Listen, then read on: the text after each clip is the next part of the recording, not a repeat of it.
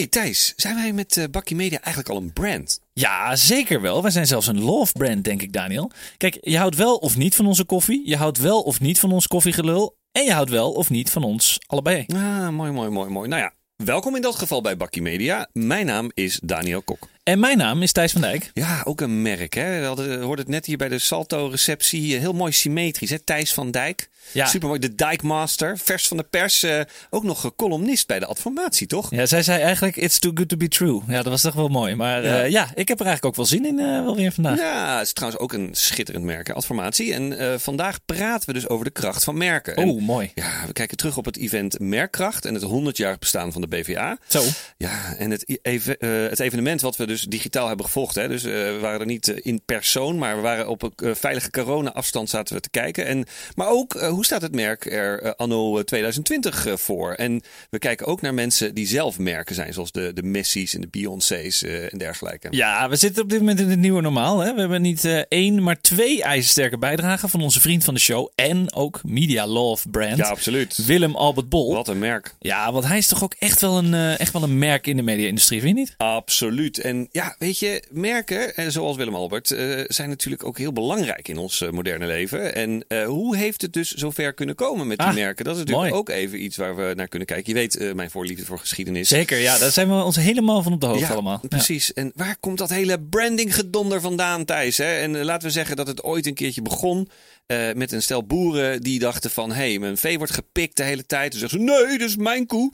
En die, begonnen, die begonnen dus met een brandmerk. Zo van, mijn koe afblijven, weet mooi je woord ook, ja. Dat heb je wel weer mooi gevonden. Brandmerk. Ja. Uh, maar er zit volgens mij zowel het Engelse woord brand als het Nederlandse woord, uh, als het Nederlandse woord merk brand, merk. Brandmark. Brandmark, ja. Dat is wel vet eigenlijk. En daar komt volgens mij het woord branding vast wel vandaan, nou, denk je niet? Nou, inderdaad. Hè? En het, het woord uh, brand komt uit het oud-Scandinavische brander. Brander? Bra brander. Maar het, het, grappige is dat het toen tegenovergestelde was van nu. Hè? Een merk was toen niet bedoeld om mensen aan te trekken van kom hier naar, naar mijn brander.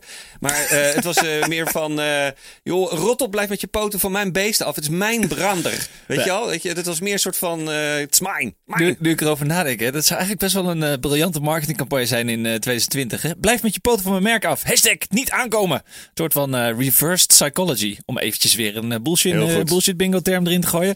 En door het creëren van brander werden mensen dus ook hebberig. Dat is ook wel interessant. Ja, het is super interessant. En, maar weet je, eigenlijk pas in de industriële revolutie. Ah, we gaan weer even terug in de tijd, ja, dames en heren. Ja, ja, ja, mooi. Toen ontstond de massaproductie van goederen. En ja, hierdoor kreeg de consument ineens heel veel meer keuze. Weet je wel? Dus popten allerlei bedrijfjes en winkeltjes op. En er werden uh, veel verschillende versies van um, nou ja, bepaalde producten gemaakt. Er was heel veel innovatie. Uh, ja, en men moest dus gaan opvallen. Dat was eerst de eerste het begin van de clutter eigenlijk. Hè? Mooi. Ja, en uh, dit was ook de tijd dat handelsmerk en het intellectueel eigendom in wetten werd vastgelegd. Met name in Amerika. Ja, interessant hè. En bij, bij grote ontwikkelingen is, vind ik altijd, is het de vraag of de marketing een maatschappij volgt. Of dat marketing en media het eigenlijk veroorzaken. Wat, wat jij hier een beetje schetst, is dat het toch ook weer dat marketing en advertising een beetje volgen uit maatschappelijke veranderingen, innovatie. En dus marketeers waren geen trendsetters, maar trendvolgers. Nou ja, de marketing was gewoon uh, en de advertising was bittere noodzaak. Anders viel je gewoon niet op. En ja, en uh, niet lang na deze periode van industriële re revolutie ontstonden de eerste megabrands. Weet je wel, Coca-Cola in 1886, Ford in 1903. En vervolgens kreeg je dus zeg maar uh, in begin 20e eeuw kreeg je Chanel, Lego. ja, dat waren toch ook wel echt superbrands. En dat doet me een beetje herinneren aan die, die legendarische uitspraak van Henry Ford. Hè, uit, een beetje uit de History of Brands. Die zei: If I had asked people what they wanted, they would have asked, they would have said faster horses. Dat is toch interessant, hè? Dat, ja. in, in zijn tijd, uh, ja, was natuurlijk veel uh, advertenties in print nog, hè? kranten, magazines, uh, posters. En um, ja, die uitingen waren toen nog vrij informatief en praktisch. Hè? En ze waren best wel lang, best wel vol. Was een beetje een soort uitgeschreven long read.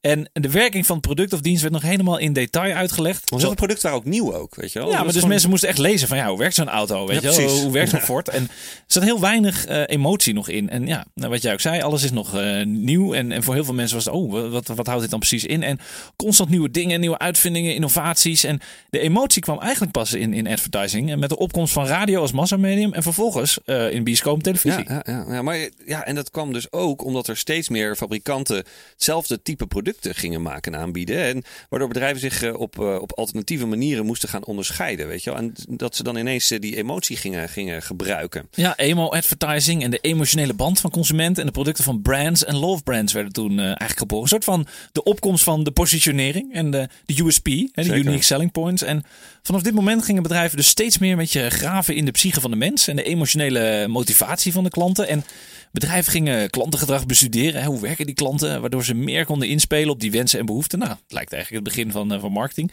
En branding was van informatief een beetje naar uh, intiem en emotioneel gegaan. Ook wel een interessante ontwikkeling, vind ik. Zeker, ja. En um, ja, nou ja, die, die emotionele band tussen consument en fabrikant is wel echt een cruciaal onderdeel van wat een, uh, ja, een merk sterk maakt, van merkkracht, zeg maar. En doe me ook denken aan een, uh, een zeer toepasselijke passage in het, in het briljante boek Sapiens van Yuval Noah Harari.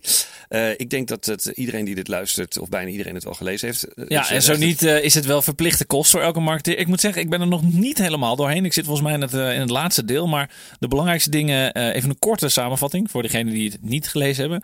Uh, Sapiens is een soort populair wetenschappelijk onderzoek uh, naar de geschiedenis van de mensheid. En die historicus uh, Yuval Noah Harari, die jij al noemde, heeft geprobeerd een beetje te achterhalen wat het is met de Homo sapiens dat ons nou zo succesvol maakt als soort. Ja, nou exact. En, en hij concludeert ja, op, een, op een hele overtuigende, goed onderbouwde manier, moet ik er nog even bij zeggen, dat, dat onze soort zo succesvol is. Niet vanwege het feit dat wij slimmer zijn dan andere beesten.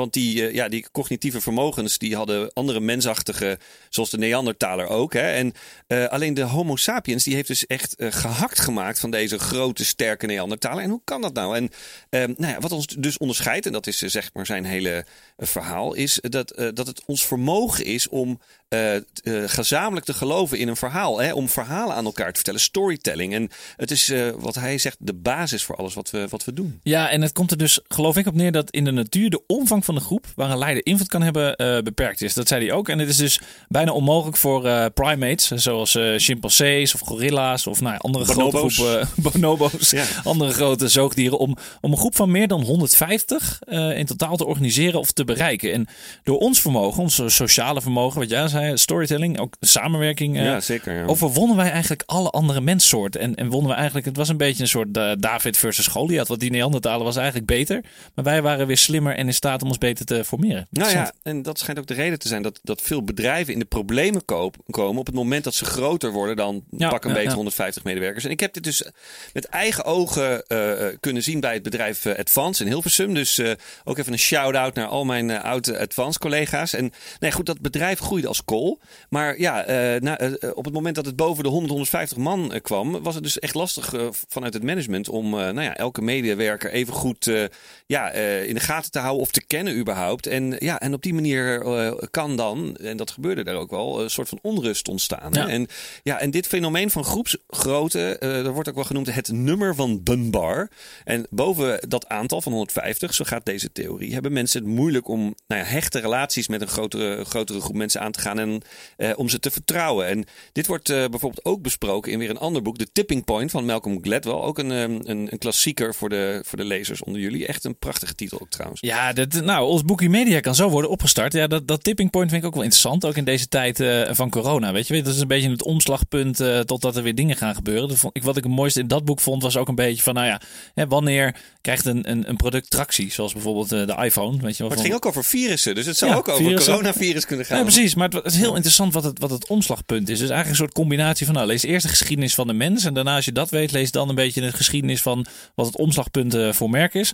Maar goed, um, Storytelling uh, onderscheidt ons dus van andere wezens. Hè. Ons vermogen om op wereldschaal samen te werken is eigenlijk gebaseerd op ons vermogen en bereidheid om ons te houden aan die verhalen die we uh, samen hebben gecreëerd. En de Homo sapiens heeft dus hierdoor dat magische aantal van, van Dunbar, van, uh, van 150, kunnen doorbreken. En daardoor zijn wij dus het machtigste wezen op, op de planeet geworden. Best wel Ja. een boeiend verhaal. Eigenlijk. Nou ja, en dan vraag je je af, wat voor verhalen zorgen er dan voor dat, dat mensen zich aan elkaar binden?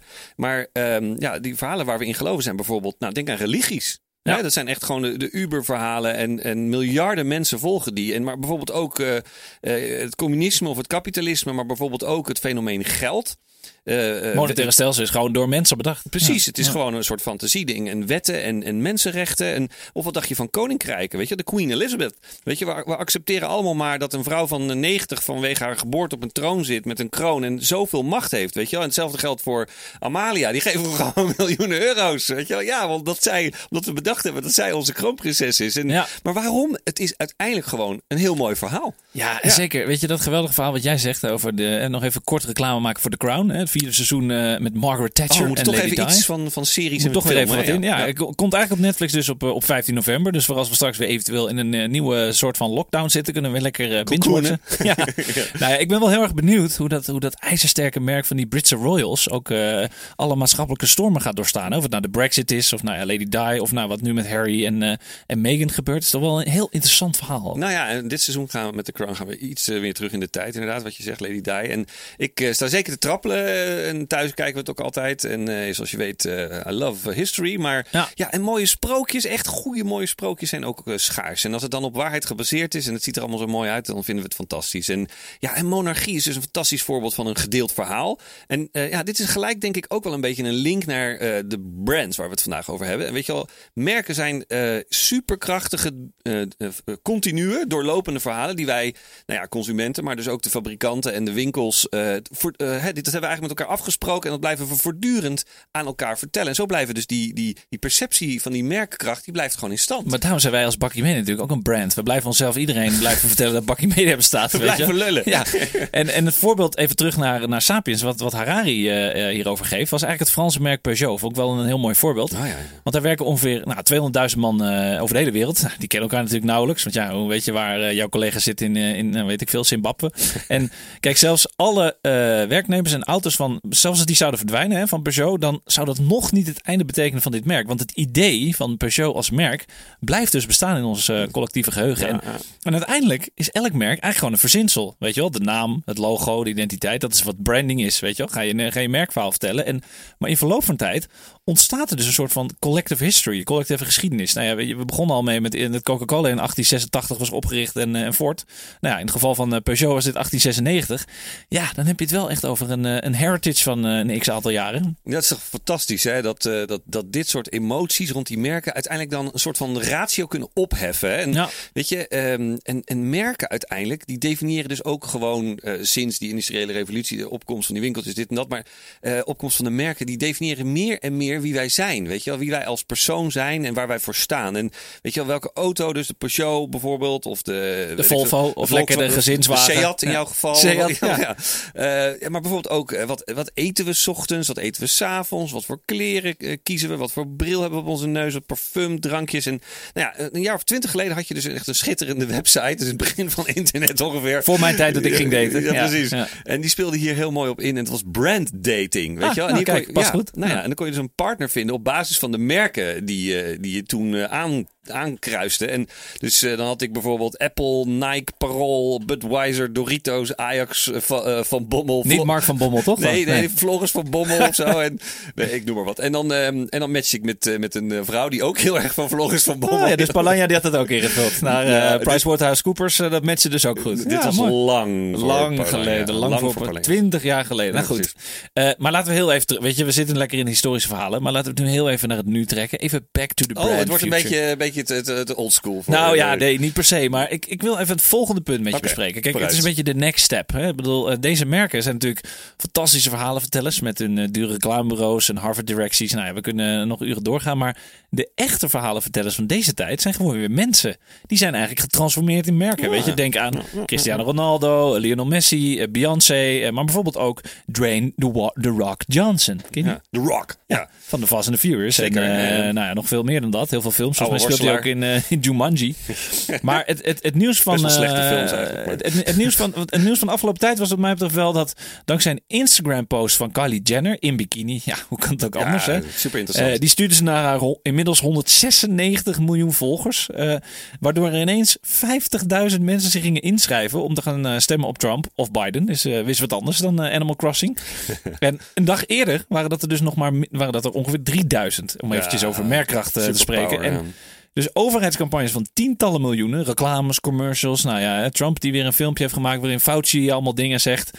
Lukt dat dus allemaal niet. Maar Kylie wel. Nou, uh, ja, uh, size does matter, denk ik, toch? Ja, dat is zeker indrukwekkend. En uh, nou goed, jij zegt dus dat dat van nu is. Hè? En ik vraag me af of dit heel anders is dan pak een beet Jezus Christus of Mohammed of nou weet ik veel, keizer Augustus. We gaan weer even terug in de tijd. Nee, maar ik ja. bedoel, is dat, hè, is dat heel anders? Die hadden geen Instagram, maar brachten ook miljoenen mensen in beweging. En dat, dat is eigenlijk toch een beetje hetzelfde vermogen om, om mensen met je verhalen of met je, in dit geval van Kylie, beeldverhalen te inspireren.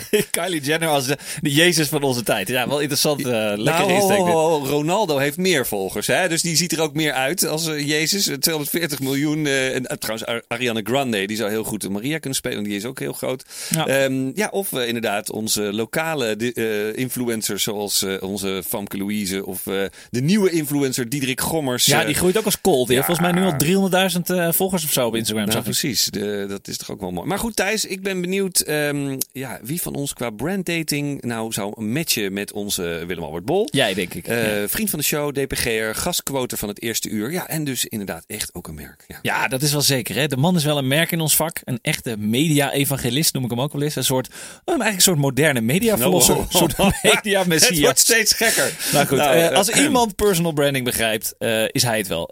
Willem-Albert, take it away. Heren van Bakkie Media, uw vriend van de show Willem-Albert Bol hier.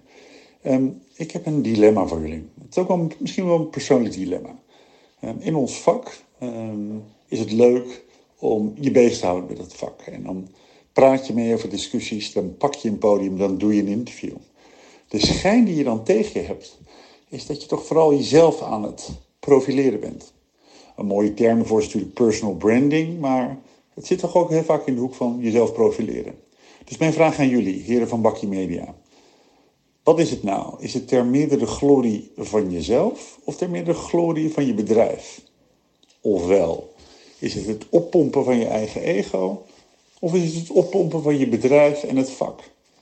Wat vinden jullie? Nou, Willem Albert, ja, nou, interessant. En uh, maar ja, het lijkt alsof hij zich een beetje, zichzelf een beetje tekort Ja, dat zijn we niet van hem gewend, hè? Nee, nee, nee. nee. Ik, ik bedoel, ik denk dat de DPG, of de persgroep zoals het uh, vroeger heette, enorm profiteert van, van zijn uh, brand, identity. Ja, dat en, denk ik ook. Ja, ja, en hij probeert ehm, uh, hij, uh, hij, hij, profiteert natuurlijk uiteindelijk van, van de positie die hij krijgt van DPG, het salarisnetwerk of de relaties die hij daardoor krijgt. Uh, ja, en het is ook zo dat als je het podium pakt, sta je daar in eerste instantie gewoon als, als mens, als een persoon. En ja. als je een goed verhaal hebt, gaat dat positief af op je werkgever. En als het een minder verhaal is, ja, dan, dan vinden ze je werkgever misschien ook minder. Ja, een soort win-win. Ja, ja. ik weet nog dat hij ooit een leuk verhaal had dat, dat hij zei van nou, ik zou toen ik bij Vodafone wegging, had ik niet in eerste instantie gedacht dat ik toen nog bij de persgroep of bij PCM zou gaan werken. Maar dat het hem toch wel, uh, nou dat het toch wel een goede keuze was geweest. Vond ik wel leuk. En ja, weet je, het moet ook wel zeggen dat veel van die mediagroepen in uh, nou, een aantal jaar geleden in ons land ook uh, veel te weinig smoel hebben. En nog steeds eigenlijk. En er zijn maar weinig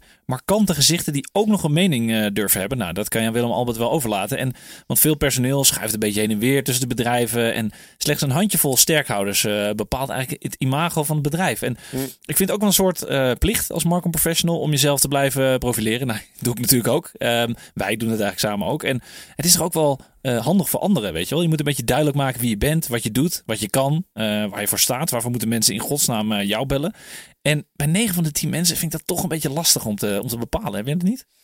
Ja, nou ja, wat er ook nog mee komt kijken is dat het wetenschappelijk bewezen is dat het oppompen van je ego, hè, dat dat ook nog werkt. Weet je wel, faking confidence works. En, ja, ja, daar geloof ik alles van. Nee, ja. Precies. In, uh, in je hersens gebeurt het namelijk precies hetzelfde wanneer je zelfvertrouwen faked of wanneer je het echt uh, doet. En uh, daar kan mijn oud-docent beïnvloedingspsychologie Hein Heijen meer over vertellen. Dus die gaan we ook even taggen.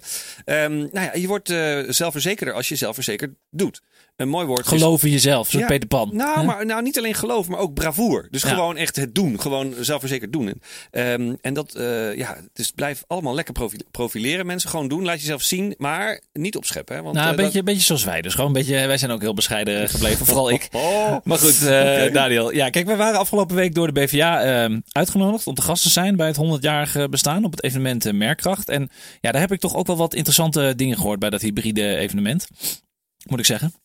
Ja. Ehm, ze hadden wel een hele mooie gastenlijst samengesteld. Vond je niet? Nou ja, ze gingen volgens mij een beetje terugkijken, net als wij net gedaan hebben, naar de, de history of brands. En eh, het kwam ook, eh, ging ook over brand purpose en de, nou ja, ook de toekomst. Eh, ja, het was op zich een interessant programma. Ja. Nou ja, vond ik ook. En wat te denken van bijvoorbeeld Helen Metz. Hè, die, was, die is Executive Vice President Materials bij DSM. Nou, een hele mond vol.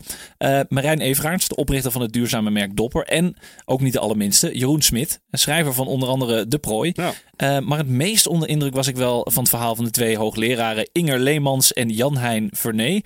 Die met ons een ja, reis terug in de tijd gingen maken naar de geschiedenis van merken. Ja, dus je gaat toch ook op eigen initiatief nog een beetje wat geschiedenislesjes Ja, dat zou je niet verwachten, hè? Ja, nou, dat, dat, dat is toch goed om te horen. Maar nou ja, wat is hier nog meer eh, bijgebleven in, eh, bij Merkkracht? Nou ja, het meest opvallende vond ik dus eigenlijk dat eh termen als inclusiviteit en diversiteit, waar we nu ook heel veel over discussiëren, eigenlijk ook een, een discussie was die 100 jaar geleden al speelde. Wel in iets mindere mate dan nu. Maar toen ging het ook over de rol van de vrouw in, in advertenties, campagnes. Weet je, toen werd de vrouw eh, vrijwel altijd afgebeeld als huisvrouw, moeder, heel af en toe als stewardess of als secretaresse als ze geluk had. Maar we hebben het ruim 100 jaar later nog steeds over die rol van de vrouw in campagnes. Kijk maar naar de recente campagne van eh, de Albert Heijn met Ilse als, als supermarktmanager ook. Ja, nou ja, daar hebben we het natuurlijk ook al een keer eerder over gehad. Maar ehm, zeker interessant om te zien dat er in eh, 100 jaar.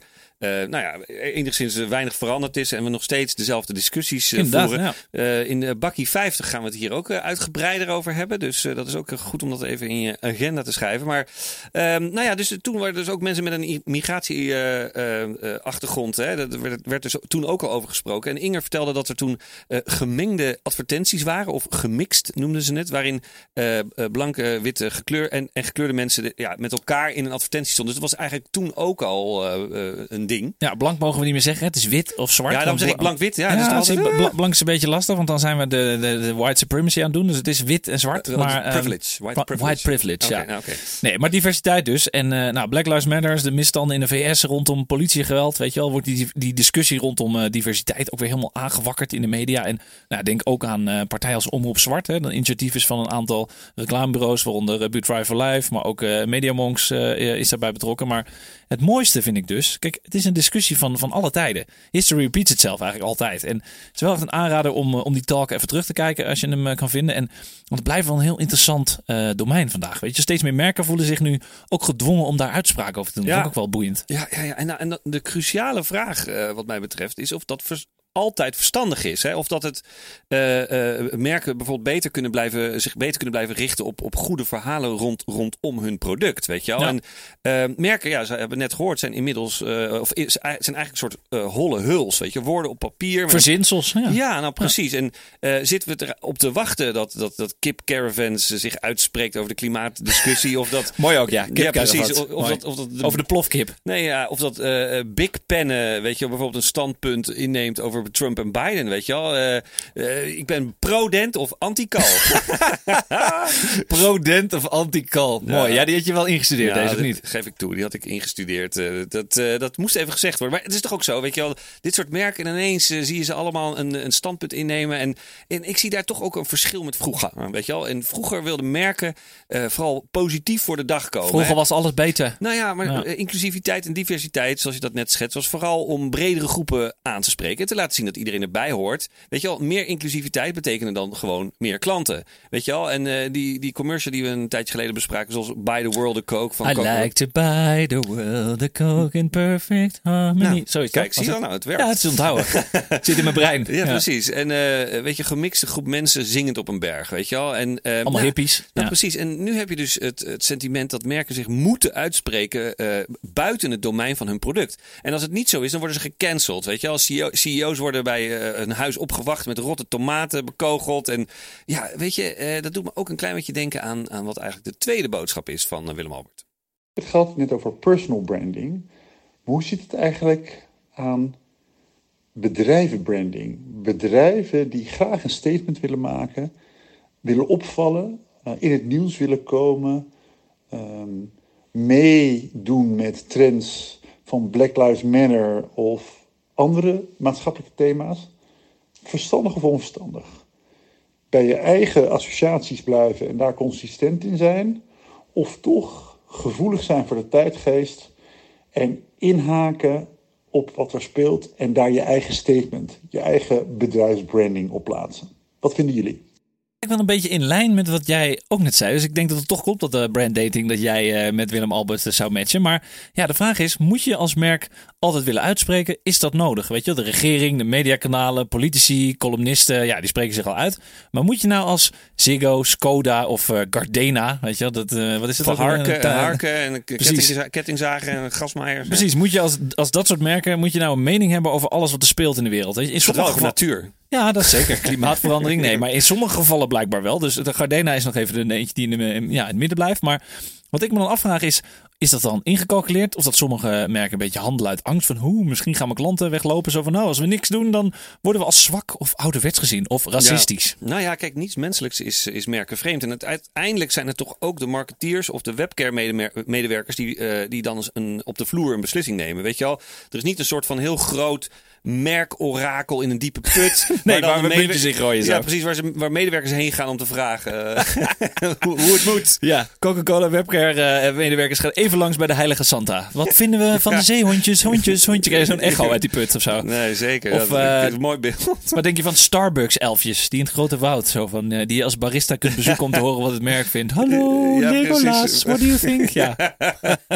nou ja, het is inderdaad een mooi beeld om te zien. Maar nou ja, kijk, de vraag is dus, moet een merk zich uitspreken? En ja, we hadden het zojuist over de Queen, hè, maar gaat, geldt ook voor de Oranjes. Die spreken zich in principe nooit uit, weet je wel. Blijf altijd neutraal, net als in de Tweede Wereldoorlog. Ja, precies. Het idee van de bedenkers van moderne uh, monarchieën, wie dat ook was, is dat, uh, dat, uh, ja, dat ze neutraal blijven. En dan een soort van stabiele factor zijn, ongeacht de politieke wind die er dan waait. En ongeacht welke internationale ontwikkelingen er zijn of maatschappelijke belangen. En ja, natuurlijk zullen ook Elizabeth of, of Wim Lex wel eens iets met een opgetrokken wenkbrauw of een klein lachje iets laten doorschemeren. Maar um, ik, ik, kan me ook herinneren dat Beatrix ooit een keer toch iets heeft laten ontvallen over Wilders of zo. Ik, dat is een beetje een vage herinnering. Maar dat, dat zie je dan en dat is niet altijd heel erg expliciet.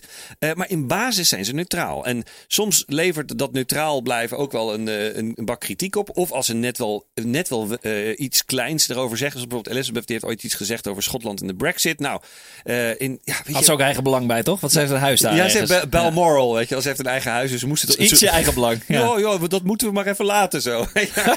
ja, dat was slim. Maar in de basis verandert het merk van de Royals nauwelijks of niet. Uh, of heel langzaam. In de, in de Crown zie je nog dat op een gegeven moment de bruiloft werd dan gefilmd door de BBC. Nou, dat was dan echt heel erg uh, grote verandering voor hun. En, maar ze blijven dus onverminderd populair. Hè? Dus zowel in Nederland als in Engeland, als je daar gewoon aan, uh, aan de mensen gaat vragen wat ze ervan vinden, is iedereen massaal voor dat merk. En terwijl ze zich dus niet uitspreken of nauwelijks. Nou ja, ik, ik vind dat ook wel een uh, absolute les voor 90% van de bedrijven die dus nauwelijks een, een strategie hierover hebben. Maar sommige merken die vinden ook dat ze wat moeten zeggen. Hè? Die, die scoren juist door zich uit te gaan spreken. Ja, maar klopt. hier zit ook wel een beetje een dilemma in, vind ik. En daar schreef recentelijk Tadek Sorlax, ook een prachtige naam. Uh, die, die schrijft er wat over. Ook een uh, echt een merk. Ja. Kijk, stel dat je nou uh, als Nike uitspreekt over een onderwerp. Hè, dat Black Lives Matter van for once, don't do it. dat soort dingen. Of je spreekt je uit tegen Trump. Of tegen een standpunt wat door veel Republicans wordt ondersteund. Dan moet je dus eigenlijk consequent zijn. En dus geen Republicans meer aannemen als personeel. Dus, en hoe inclusief ben je dan nog eigenlijk? Ja. Belangrijker nog uh, is dan uh, of je pretendeert als merk ook het morele gelijk en de absolute wijsheid aan jouw kant te hebben. Want je bent eigenlijk een verzinsel, dus hoe kan het nou? Ja, ja en opvallend ook dat vaak alleen heel grote bekende issues worden gesteund. Ja, hè? dat vind ik ook zoiets. Ja, ja. ja, precies. Onderwerpen waarvan je weet dat er niemand echt tegen is. Weet je wel, ik bedoel feminisme of Black Lives Matter, opwarming van de aarde. Weet je, alle merken die staan daar allemaal zichzelf te, uh, zich, elkaar te verdringen om daar een statement over te maken. En ook wel een beetje makkelijk, maar ja, welk merk zie je zich uitspreken tegen, weet ik veel tegen Poetin of uh, uh, martelingen van Oeigoeren in China of tegen structureel seksisme en verkrachtingen in stenigingen van homo's in, hè, in Iran. Ja, nee, maar daar hoor je, daar hoor je geen één merk over. Nee. Vinden ze allemaal veel te spannend en um, veel initiatieven van merken zijn dan uiteindelijk toch terug te herleiden tot iets wat ze dan tegenwoordig clicktivism heet. Beetje, ja. beetje meeknikken, een beetje een inhakertje, een beetje klikken, een hashtagje oproepen om te liken, petitietje en dan, en dan door. Ja, lekker meehuilen met de social media wolven en voor de sensatie en uh, zorgen dat je een beetje veel likes en kliks ja. en views krijgt. Ja. Kijk, en, en wat Tarek ook zegt, uh, maakt in het verhaal trouwens ook wel een goed punt. Hè, dat de verhalen van merken en journalistieke, uh, journalistieke verhalen steeds meer vermengen. Dus het is toch een beetje de branded content. Hè? Dat merken we weg hebben gevonden in de news cycles, ja, native advertising opduiken in en rondom content, artikelen, programma's, weet je wel. Wat is nog echt? Hè? En merken zijn zo naar zich op zoek naar die aandacht en die airtime, dat ze dus enorme risico's nemen met hun verhaal. Een, een, het lijkt een soort nieuw brand purpose te zijn. Ja, klopt. Nou ja, en uiteindelijk is het dus zo dat, uh, wat mij betreft, veel meer merken zich zouden moeten opstellen als de Queen. En niet allemaal. Maar goed, je kan best wel eens een keertje een nieuw storm uitzitten. Weet je al, laat maar even razen. Ehm, en het is niet zo dat als je je niet ineens mengt in een of andere, weet ik het wat voor discussie, of over vluchtelingen of over iets anders, als je daar even niks over zegt, dat je dan ineens voor uh, nee, je bent niet ineens racistisch als je niet reageert. Nee, nee, of dat je ineens voor verkrachting of armoede of milieuvervuiling bent. Maar um, gewoon omdat ze dan op dat moment ervoor kiezen niet politiek te zijn of politiek zich uit te spreken en um, op een eigen moment een eigen boodschap te verkondigen en niet opgelegd door wie of wat dan ook. En je ziet ook hele goede voorbeelden uh, van, van merken die dat doen. En um, nou ja, en kijk, je kunt natuurlijk altijd als bedrijf, hè, een gebouw met medewerkers uh, die zeg maar sociaal bewogen zijn, een, een goed doel steunen. En dat vind ik dan wel weer wat anders dan je dat dat je echt als merk je daarover uitspreekt. En ik vond het mooie, vond ik eigenlijk uh, onze uh, Dettol. Weet je al? En die, die strijdt voor uh, ja, hygiëne. schoonmaakdoekjes. Ja, ja, Nee, precies. En die strijdt voor hygiëne en voor iedereen. En die vindt dat iedereen in de wereld recht heeft op een schone wc. Weet je wel? Nou, echt top. En daar hebben ze allerlei projecten van in, uh, in de derde wereld om, uh, om dat uh, voor elkaar te krijgen. Nou, dan vind ik dat heel erg goed passen bij je product en heel erg goed passen bij de missie die je als merk hebt. Hey Daniel, maar volgens mij kunnen wij ook wel een kleine pitstop gebruiken naar deze, oh, naar deze aflevering. gaat de koffie werken? Nou, ja, inderdaad. ja, Dit was Bakkie Media alweer, dames en heren. Deze aflevering is zoals gebruikelijk terug te luisteren op alle bekende podcastplatformen. Ook zijn we te vinden op de platformen van onze mediapartners, De Ondernemer, De Adformatie en Topcast Media. Ook zijn te vinden op de sociale media, op Twitter via @bakkimedia, op Instagram via @bakkimediapodcast en ook Facebook voor onze familie en vrienden. Tot volgende week. Doei.